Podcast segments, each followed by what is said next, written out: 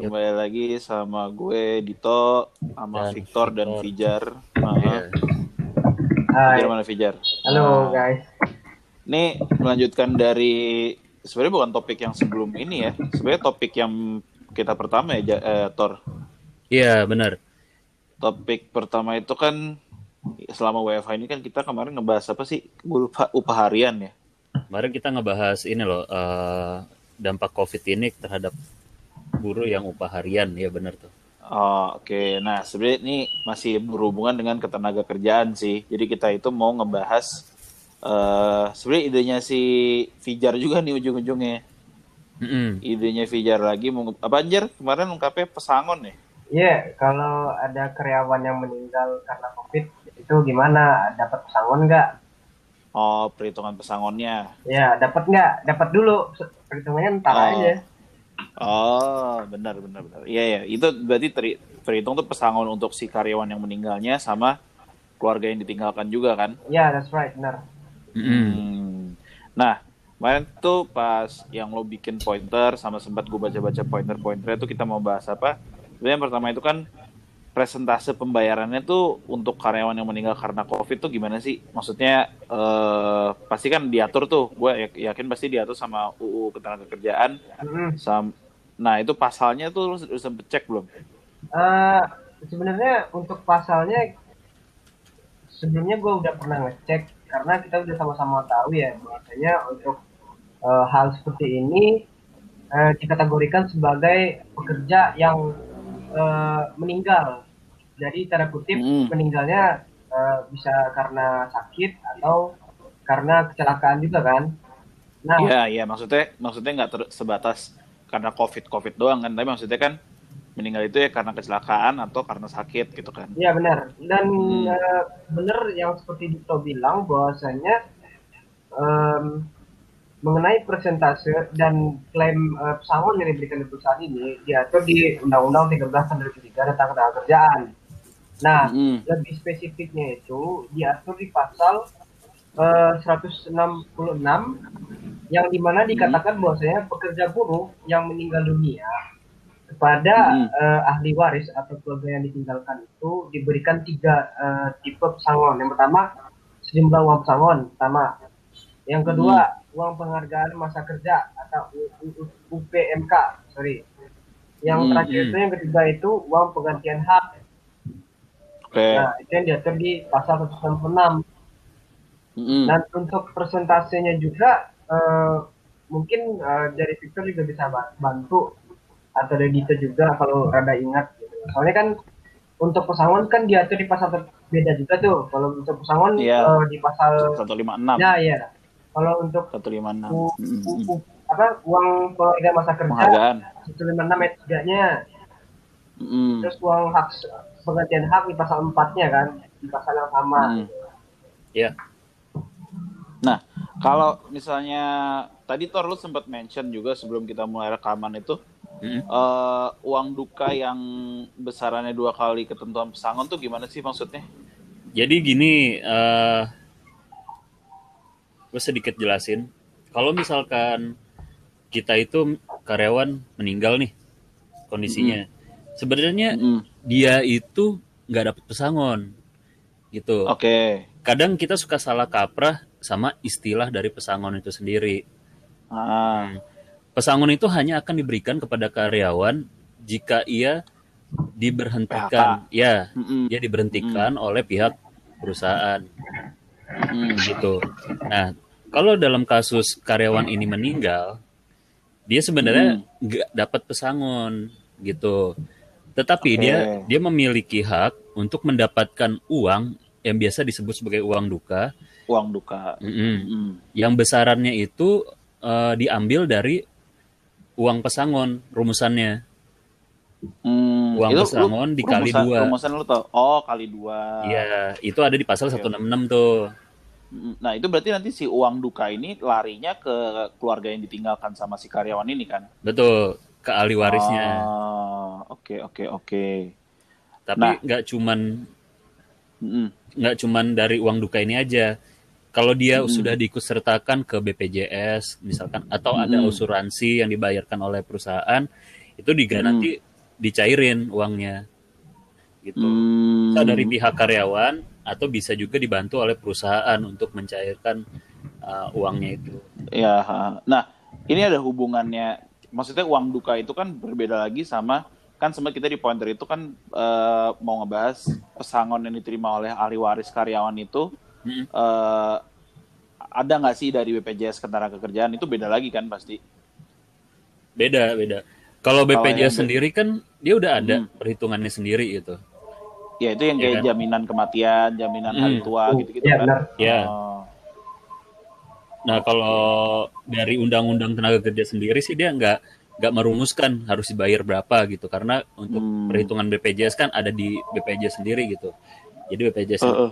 naik perhitungannya kalau dia meninggal dapatnya berapa seperti itu. Hmm, Jadi basically sebenarnya pokoknya hitungannya tuh pasti ada kan. Misalnya nih ada kan yang elevated risk, maksudnya resiko yang paling terpapar besar itu kan pekerja-pekerja yang mau nggak mau selama lagi WFH ini dia harus masuk kan. Contoh Iya. kayak ya even paling deket pun yang kerja kantoran itu orang perbankan mereka mau nggak mau harus masuk kan. Mm-mm. Nah, berarti untuk orang-orang kayak gitu, kita bukannya bukannya kayak mikir, ah lu ntar bakal meninggal lo kena covid. Enggak sih, itu maksudnya. kalau kan kadang ada orang yang, gue kalau misalnya tetap kerja, ntar amit-amit gue meninggal, gimana nih keluarga gue gini-gini gini. Nah, Iya. itu ya sebenarnya eh, ada, maksudnya pesangon tuh tetap akan dibayarkan seperti bi- seperti perhitungan seperti biasa gitu kan. Nah, kalau misalnya ada kasus kasus kayak gini nih Tor, ingat gak sih waktu itu sempat di KH kita nge-handle case kalau eh buset-buset rame juga. Sempat kalau kita nge-handle case di mana eh, perusahaan ini dia mau PHK satu orang, Mm-mm. cuman pada saat itu si perusahaan ini juga uangnya lagi tipis banget jadi nggak memungkinkan dia untuk bayar pesangon. Ya, Nah kan. Nah, kalau waktu itu kan kita deal, eh, kita kan ngasih solusinya ya lo dealan aja sama si karyawannya. Betul. Mau di, boleh boleh dibayar cicilan nggak Hmm. atau mungkin dibayar pakai barang lain, mungkin bisa dikasih eh, bentuk laptop atau apa gitu-gitu. Iya. Nah, kalau konteksnya nih, corona ini kan sebenarnya lagi sensitif banget baik dari segi pekerja maupun si pelaku usaha kan. Karena dari segi dari segi pekerjanya eh, sorry sorry duluan deh. Yang duluan tuh eh, segi pelaku usaha dari segi pelaku usahanya pemasukan lagi turun banget ya kan? Hmm. nah sedangkan pemasukan lagi turun banget terus tiba-tiba karyawannya dia ada yang meninggal dia harus bayarin semuanya tuh yang tadi kita bahas. Yep. sangon lah terus uang duka lah dan lain-lain dan lain-lain gitu kan. Nah ketika pada saat masanya ini si keluarga yang ditinggalkan keluarga karyawan ini dia minta nih eh, haknya mereka gitu kan. Tapi perusahaan pada saat itu juga lagi nggak bisa bayar. Ya kan? Betul. karena ya lagi masa resesi ekonomi karena lagi si covid ini. Mm-mm. fair nggak menurut karena menurut gue menurut gue fair fair aja ketika si perusahaan bilang bu kita misalnya nih ya, ya istrinya mau ngomong minta haknya gitu kan. Terus dia habis itu bilang "Eh, saya minta hak hak saya eh, suami saya meninggal gini gini nah kalau misalnya perusahaannya bilang eh, kita karena keuangannya lagi ya kasarannya mepet lah gitu kan Betul. Wah, bisa nggak sih hal yang sama diterapkan kayak dia jatuhnya eh, diskusi dulu deal-dealan sama si istrinya ini Bisa, bisa. Itu karena kan konteksnya kan bukan bukan sama si karyawannya kan. Mm. Ya tentu kan kalau misalkan konteksnya meninggal, kan otomatis hak-haknya si karyawan yang meninggal itu dialihkan ke ahli waris, gitu kan. Hmm. Jadi otomatis yang akan bernegosiasi dengan perusahaan ya ahli warisnya. Ahli warisnya. Iya, iya. iya. Dan untuk masalah kalau misalkan eh, perhitungan pesangonnya berapa, misalkan dia juga Mm-mm. dari pihak perusahaannya merasa belum eh, bisa bayar, itu bisa dipikirkan Hmm. bagaimana cara pembayarannya, gitu. Mau dicicil Hmm. atau dipotong setengah, itu nggak masalah karena di karena di undang-undang sendiri nggak ditentukan minimalnya tuh harus, Harus berapa, langsung. ya atau dibayarnya Mm-mm. harus langsung cash eh, atau bisa dicicil tuh nggak diatur. Cuman Nggak diatur. yang jelas dia harus dapat, nggak bisa terus Iya, iya. dihilangkan haknya Hilangan gitu Iya. aja. Mm-mm.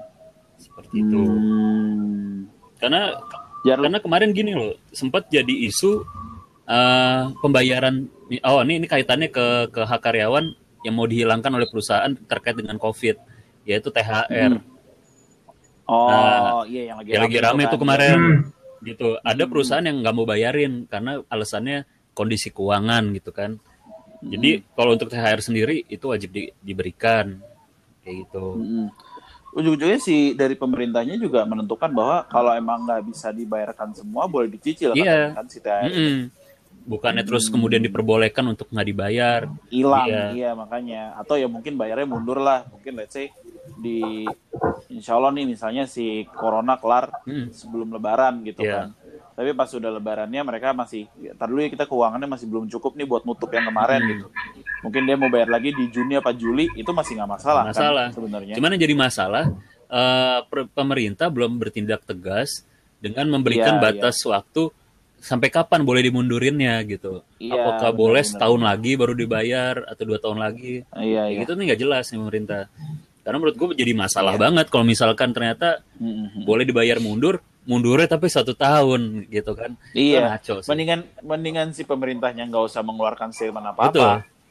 Iya Hmm. kan? Kayak ya tetap maksudnya jadinya kan kalau dia ngomong kayak gitu perusahaan jadinya ngerasa kayak ada pengguguran hak kan kayak oh ya udah gue nggak harus bayar dekat-dekat ini Iya. kok ntar gue bayar ntar ntar aja gitu Hmm. kan.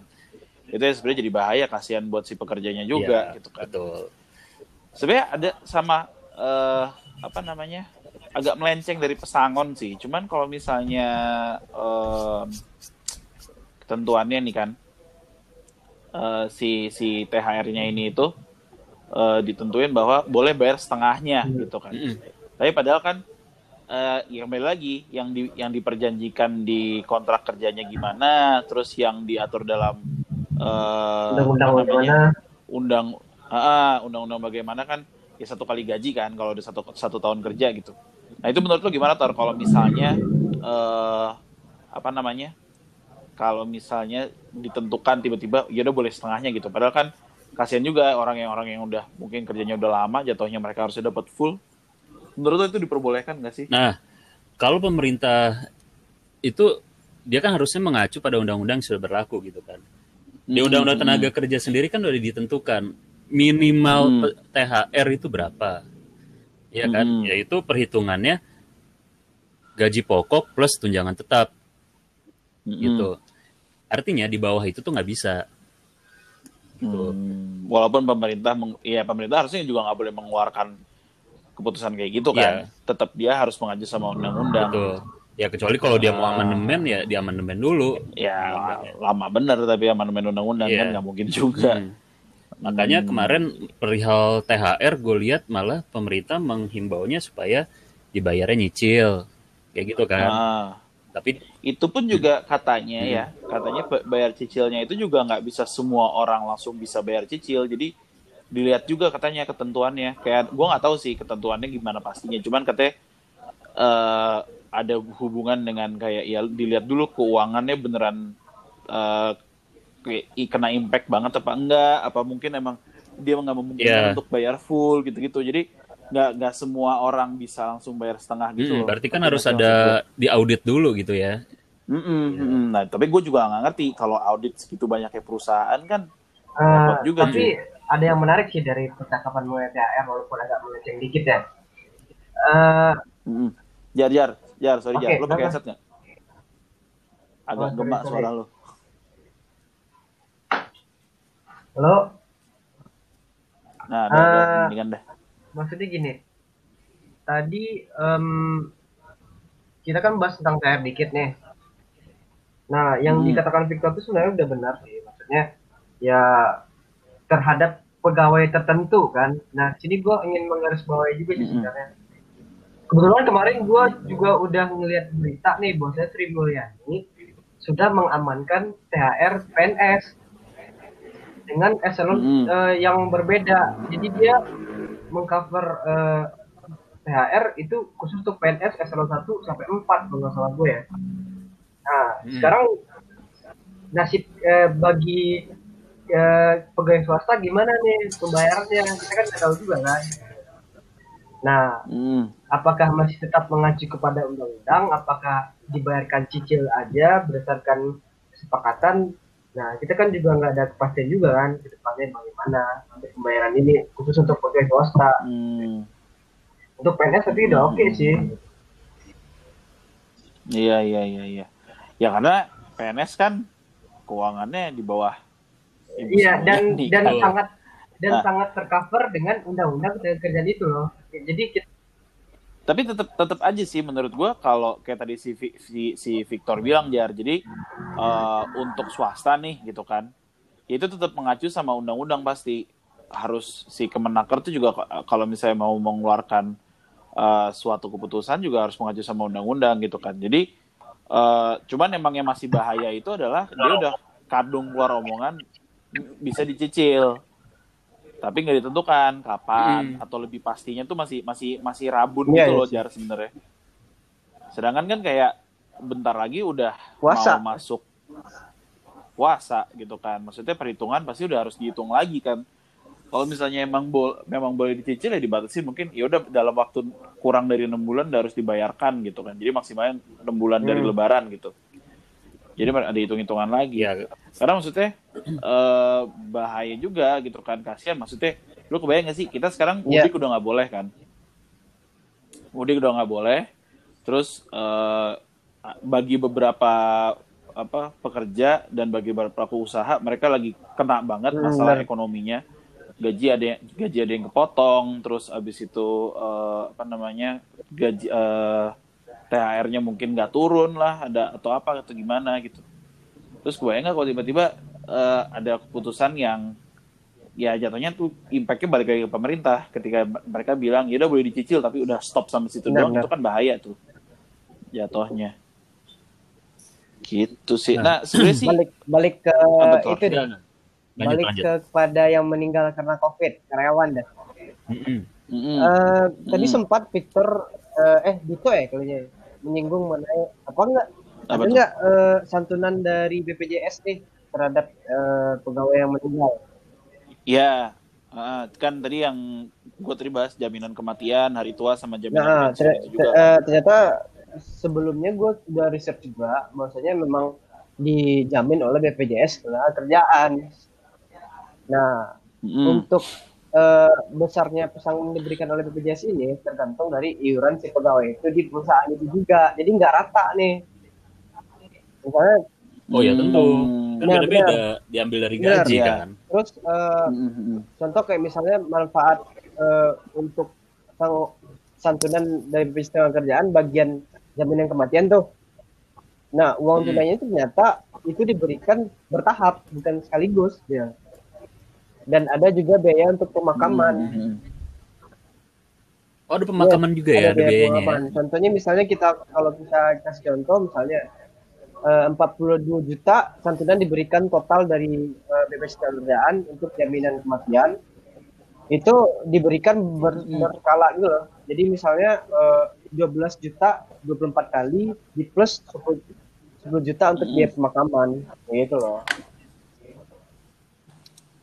Jadi diterimanya tuh nggak cash Enggak enggak cash total langsung tapi ada kayak gajian juga. Tapi yang menerima itu si keluarga Hmm. yang ditinggalkan atau ahli waris si karyawan yang meninggal. oh gitu bisa nggak sih dari pihak keluarganya menuntut oh udah bayar aja full Nah, semua yang ini menar- menarik tuh yang dari Victor eh, ini berkaitan dengan yang dibilang tadi apakah ada kesepakatan dari perusahaan atas hal ini atau bagaimana? Soalnya kan ini kan santunannya langsung dari BPJS bukan dari perusahaan juga kan. iya Tapi ini betul. sejujurnya gue juga bingung juga dengan aturan yang ada dua ini kan gitu. Satu sang, sang- pesangon yang diberikan perusahaan berdasarkan undang-undang tenaga kerjaan, yang satu diberikan oleh BPJS yang aturannya dipakai menggunakan BPJS tenaga kerjaan gitu. Ada dualisme aturan Hmm. sih yang gue lihat di sini. Ya ya dulu juga sebenarnya seperti itu bro dulu kan sebelum ada BPJS kita pakai Benar, jam benar. sostek nah waktu di jam sostek sendiri kan juga sebenarnya pembayarannya udah Hmm. terpisah urusan perusahaan sendiri us- urusan eh, jaminan tenaga kerja sendiri gitu jadi memang perusahaan nggak ikut campur dalam hal pembayaran atau tunjangan dari si jaminan itu Mm-mm. karena di undang-undangnya sendiri kan sudah ada juga tuh dia ngatur bahwa kalau dia diikutkan ke jam sostek maka pembayarannya ya dari Benar, sostek gitu terpisah gitu itu kalau nggak salah ada di, Nah. di mana itu di undang-undang tentang jaminan sosial tenaga kerja berarti kan kalau sekarang udah Iya, BPJS kan Mm-mm, udah berubah lagi.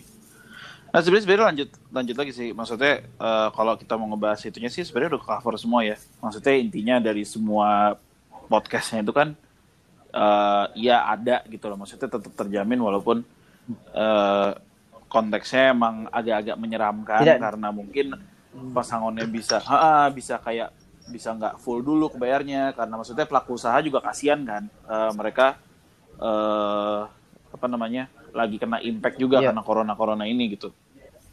Nah, cuman gue yang yang sebenarnya gue pengen tahu juga sehubungan dengan ketenagakerjaan itu sih apa aja sih upaya perusahaan yang bisa dilakukan untuk memastikan karyawan itu terlindungi dari paparan virus. Maksudnya eh, untuk beberapa perusahaan kayak misalnya KH sendiri kan kita Benar, benar. menerapkan WFH kan. Nah karena itu emang juga eh, dari bidang kita juga masih memungkinkan Hmm. untuk WFH gitu loh kerjanya via via remote via Hmm. online itu masih bisa nggak harus ke kantor kan. Nah cuma kan ada beberapa eh, sektor-sektor bidang usaha yang mau nggak mau tetap harus jalan dan harus masuk gitu. Hmm. Kayak contoh perbankan.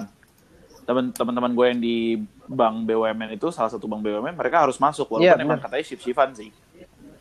Ah, terus ada beberapa teman gue yang di eh, law firm law firm atau mungkin yang di pabrik atau industri mereka tetap masuk walaupun shift shiftan juga. Nah, kan tetap aja walaupun shift shiftan itu kan eh tetap apa ya ada resikonya gitu kan.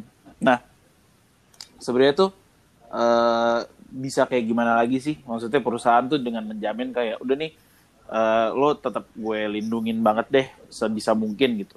Lo ada masukan nggak sih Thor atau Jar? Kalau gue sih ya lebih Ah. lebih berharap mengharapkan perusahaan melakukan langkah nyata gitu ya. Hmm. Karena gini, misalkan perusahaan cuman eh, ngasih eh, seperti apa ya tunjangan deh, dia dia dia lebihin tunjangan buat kita. Tapi kan itu sebenarnya nggak nggak menghindarkan kita dari tertular virus ini kan. Karena toh saat kita menjalankan pekerjaan kita masih berinteraksi dengan orang lain yang kita nggak tahu Iya, juga benar. kondisi kesehatannya gimana. Jadi maksud gue dari langkah nyata di sini ya harapannya sih perusahaan lebih mengutamakan faktor keselamatan pekerjanya. Iya, Contohnya dia nyediain multivitamin di kantor untuk karyawannya, atau masker. ya, masker, Ah. atau mungkin disediain lagi juga hand sanitizer. Iya, Mm, titik-titik hand sanitizer diperbanyak. Benar betul. sih. Iya, Jadi iya. lebih langkah nyatanya gitu. Disediain fasilitas-fasilitas yang mendukung kesehatan dari karyawannya. Kayak gitu. Eh, Gue rasa itu. Mungkin Iya. Kalau Fijar mungkin eh, itu dari sisi eh, Victor yang lebih menekankan dari perusahaannya. Tapi kalau dari segi Hmm, hmm. sisi gue ini lebih menekankan dari segi pemerintahannya. Nah kita kan udah Mm-mm. udah bisa eh, tahu nih bahwasanya kemarin eh, Gubernur DKI Jakarta memberikan eh, suatu statement itu ya benar PSBB. ada bagian eh, Hmm. perusahaan yang boleh masih ber, ber apa beroperasi ada delapan. Nah, Hmm. gua rada Hmm. lupa, tapi salah satunya itu bagian kesehatan dan bagian keuangan perbankan yang lu bilang tadi, Dep. Betul. Nah, betul, betul. Tadi dia yang nge-share ke gue kayaknya. Coba Nah, gue cek dulu. Ya lanjut, lanjut. Nah, sambil em, lanjut. menurut gua ini lumayan langkah yang bagus ya untuk mencegah karyawan terkena COVID juga. Mm-mm. Jadi selagi eh, Mm-mm. selagi perusahaan membuat peraturannya sendiri didukung dengan eh, kebijakan yang eh, cukup eh, ketat dan disiplin dari pemerintahan juga. Contoh, sekarang kita keluar nggak boleh dari lima orang, terus kita nggak boleh kerja kecuali bagian yang ini. Jadi kan ada suatu disiplin yang baik juga dari Hmm. pemerintahan. Dan perusahaan pun Iya, iya. dan perusahaan benar pun yang bandel tanda kutip masih mempekerjakan karyawannya walaupun shift-shiftan mereka itu juga melihat aturan dibikin Hmm. dari si pergubnya ini juga misalnya shift shiftnya itu Iya. nggak boleh lebih dari 20 orang misalnya nah perusahaan juga bisa mengcover Hmm. juga bisa disiplin juga dan benar Iya. kata Vito tadi iya juga sih. kan bahwasanya Eh, eh, iya. karyawannya tolong disediakan eh, seperti multivitamin juga dan hand sanitizer Betul, betul. dan ataupun masker Betul sih. sekalian kan gitu. Gue udah mulai ngeliat sih kemarin tuh sempat gue ke supermarket hari Sabtu kemarin maksudnya langkah-langkah dari pihak Hmm. supermarketnya sendiri atau mungkin dari pemerintah dari pemerintah lah itu tetap himbauan dari pemerintah gitu kan mereka juga udah mulai ini sih kayak lo kalau ngantri di kasirnya Jarak- jarak itu dikasih satu meter, garis ya? sekarang Mm, betul dikasih jarak terus habis itu di tiap kasirnya ada hand iya. sanitizer juga sama apa namanya eh, pas gue isi bensin iya ada ondel-ondel itu daerah mana tuh cuy? Ondel-ondel rumah lo pasti aja. Gue ya cari nafkah. Lanjut lanjut. Nah, terus kayak di SPBU tuh pom bensin gue tuh isi pom bensin, eh isi bensin, eh apa petugasnya tuh juga udah pada pakai masker sama pakai sarung tangan. Ya, Jadi emang emang mereka pun juga sama pekerjanya sendiri, gue udah mulai melihat eh, emang aware ya, eh, dikasih sarung tangan, dikasih hand sanitizer, terus ada beberapa titik-titik eh, tempat usaha yang dia menghimbau untuk kalau bisa pakai apa cashless, jadi dia nggak nggak pakai uang cash gitu kan. mengurangi Karena kan uang cash- kontak langsung ah, ya. karena uang cash juga kumannya banyak cuy Iya, ya kan benar. dibandingin walaupun emang ya tetap aja pakai kartu kan juga mencet-mencet eh, EDC-nya juga kena ya tapi nggak sebanyak duit lah maksudnya duit kan muter terus kalau kartu kan ya udah situ-situ doang gitu Lu, lu doang yang megang kan gitu. Iya masih masih situ-situ Iya. doang yang megang kan? Nggak nggak sampai kayak gimana banget gitu. Tapi iya sih maksudnya eh, kembali lagi kayak eh, sebaik apa pun pemerintah menghimbau sebaik apa pun perusahaan juga melindungi I mean kalau untuk posisi kayak gini Iya. itu kan eh, ini kita kita sekalian mau nutup kali ya. Udah lumayan agak lama jangan terlalu panjang. Eh maksudnya dalam posisi kayak gini tuh tetap semuanya harus ikut andil lah ya eh Iya. maksudnya dari kitanya sendiri pekerja yang Iya. di rumah pun ataupun yang pekerjanya di sana pun tetap tetap apa ya menuruti himbauan lah Iya, benar. yang kan kan sekarang katanya juga keluar harus pakai masker kain karena yang masker N95 ditujukan untuk tenaga medis. Jadi ya jangan bandel ya kalau keluar tetap pakai masker gitu. Iya. Tapi kalau emang nggak perlu banget jangan yang keluar gitu kan. Semuanya itu berawal dari diri sendiri. Iyalah. Kita nggak bisa ngarepin pemerintah mulu. Ya, Iya, takutnya nanti sebenarnya gini pemerintah bisa-bisa aja yang amat sangat tegas dan keras ya untuk nge- ngelarang orang jangan keluar, jangan ke mana-mana, dibubar-bubarin bisa aja kalau mereka mau. Cuma kan mereka pasti juga mikir kan nanti ini masyarakat gimana impact mentalnya dan lain-lainnya. Kesian, pasti mereka ada pikiran kasihan juga nih orang-orang kalau eh, di, di terlalu dikerasin nanti malah stres. Even kayak kita aja yang kerja di rumah aja udah lum- mulai mulai frustasi kan nggak ke mana-mana gitu pasti mereka juga eh, dimulai dengan himbauan dulu lah. Cuma maksudnya himbauan itu kan bisa bisa berjalan dengan baik kalau kita semua ngejalanin juga. Benar, benar. Gitu. Apalagi apalagi yang mau mudik mau mudik mudik itu kan Curhat. udah ya mudik itu kan udah dilarang. Lu berarti That's nggak right. mudik dong Jar? Sebenarnya gue gue penasaran sama langkah pemerintah dalam mem- dalam memonitor kebijakannya gitu. Kira-kira Ya, sejauh seperti lagi. apa pemerintah tuh mau ya Ngecek cek gitu. Kira-kira itu sih. ke- apa kebijakan Iya, kayak- gue nih berjalan nggak ya kayak gitu. Per- per- kayak maksudnya percuma juga lu ngeluarin himbauan tapi nggak ada yang Nggak- mengawasi iya, himbauannya nggak itu. ada yang monitoring. Iya kan? Gue mulai melihat kayak emang mereka udah mulai serius kayak waktu itu sempat ada di berita kan yang nongkrong-nongkrong di daerah Menteng apa Taman Suropati itu ditanggepin. Mm-mm. Ah, itu itu udah mulai serius. Terus gue baru dengar juga dari teman gue yang eh, kan gue sempat Ditangkap ya? gue kan sambil buka tempat usaha tempat cuci gitu kan sama poles-poles mobil gitu. Iya. Nah itu eh, teman gue itu yang bagian manajemennya dia dapat edaran tuh dari Anies Mm-mm. dari Pak Pak dari gubernur bahwa nggak boleh buka kan karena kan bukan tempat usaha yang esensial. Terus seberang gua tuh ada tempat kopi. Nah seberang gua tempat kopi ini tuh tetap maksa buka. Akhirnya kena cuy, kena SP. Wah, itu itu yang yang SP siapanya dari pihak kelurahan, Dari- Praja pihak- atau siapa? Nah gua gua nggak ngerti sih. Cuman yang jelas dari dari dari instrumen pemerintahan pasti Ya, ya. bahwa nggak boleh nggak boleh buka kan gitu. Cuman yang gua agak bingung juga mungkin ada di beberapa titik tempat-tempat kopi dan lain-lain kayak di daerah Pangkol tuh masih ada yang buka atau mungkin mereka emang eh, udah ini kali ya eh, karena mungkin jual makanan lebih lebih ke esensialnya adalah mereka jual makanan juga Mm. buat orang yang perlu beli GoFood atau apa gitu. Mungkin yang ditutup itu yang sebatas emang cuma buat tempat nongkrong doang atau gue gimana gue juga gak ngerti sih. Kalau kemarin tuh, gue gue karena Mhm. kemarin ke daerah kantor tuh Cikini, Mm-mm. gue nyari makan malam, itu bener-bener susah banget bro. Karena mereka udah nggak lagi terima makan di tempat, semua take away. Iya benar benar benar. Dekat kantor kita tuh ada ada Starbucks tuh sekarang, baru buka. Gue gue mampir serius ada dekat Danar Hadi seberangnya. Dan Hadi itu di mana ya? Setelah kalau dari kantor kita Dekat setelah mana? rumah sakit PGI Oh, lewatin masjid. Masih sesudah masjid. Hmm, udah mau Oh, iya, udah iya. mau keluar ke Salemba lah jalanannya. Dekat masjid. Itu ada Starbucks tuh. Gue kemarin mampir ke situ mau Hmm. mau beli Ah, kopi, iya iya. terus gue bawa ke meja. semua take away. Iya, gue gue Hmm. bawa, bawa ke meja depan kan di luar gue sambil nyebat. Diingetin sama Hmm. Mas ya, Mas kita udah nggak boleh duduk-duduk di sini. Semuanya take away. Oh, Oh gitu, iya. Ternyata semua Starbucks begitu. Terus gue coba mampir ke Hmm. McD dari depan satpamnya udah ngomong, Mas take away doang ya. Semua McD sekarang udah nggak bisa makan di tempat. Oke, Fah. iya iya iya iya. Oh pantas gue waktu itu sempet take away McDonald lama banget cuy.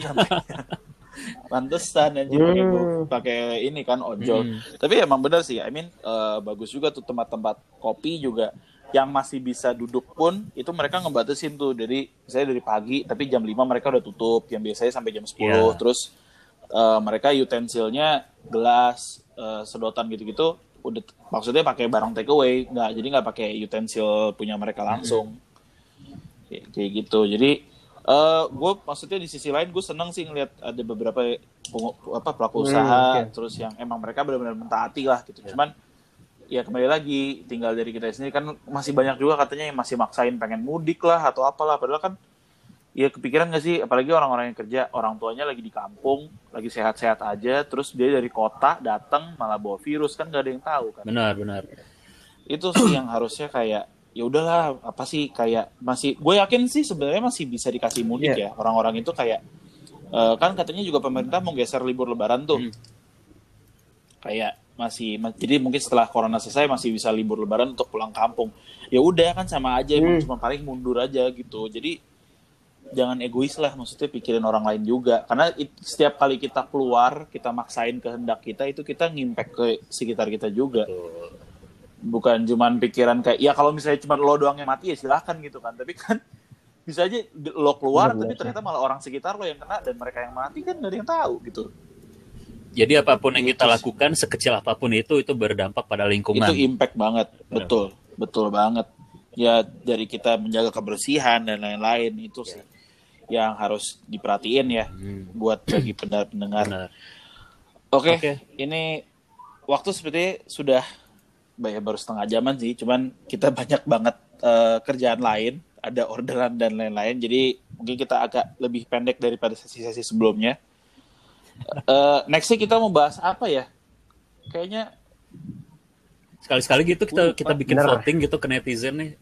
boleh tuh boleh Ah. tuh topik apa yang kira-kira mau dibahas gitu kan ini kan nanti Apa ya? up nih eh, naik ke story sama Iya, feednya boleh tuh, boleh, Kontrak boleh. Hukum Hmm. yang episode ini atau yang di episode sebelumnya itu juga tadi gue baru di tag juga tuh eh, yang terkait apa Benar, namanya benar. kemarin apa episode sebelum ini terkait apa gue lupa lagi Itu apa? eh, iya penimbunan nah terkait penimbunan itu bisa aja komen di situ gak apa-apa loh mau ngebahas apa atau apa ya pokoknya Kita tinggalin komen di medsosnya kontrak Mm-mm. hukum. Betul oke sekian dari Oke, thank you. Dito, Fijar dan Thank you, thank you, dan thank you. Victor thank you semuanya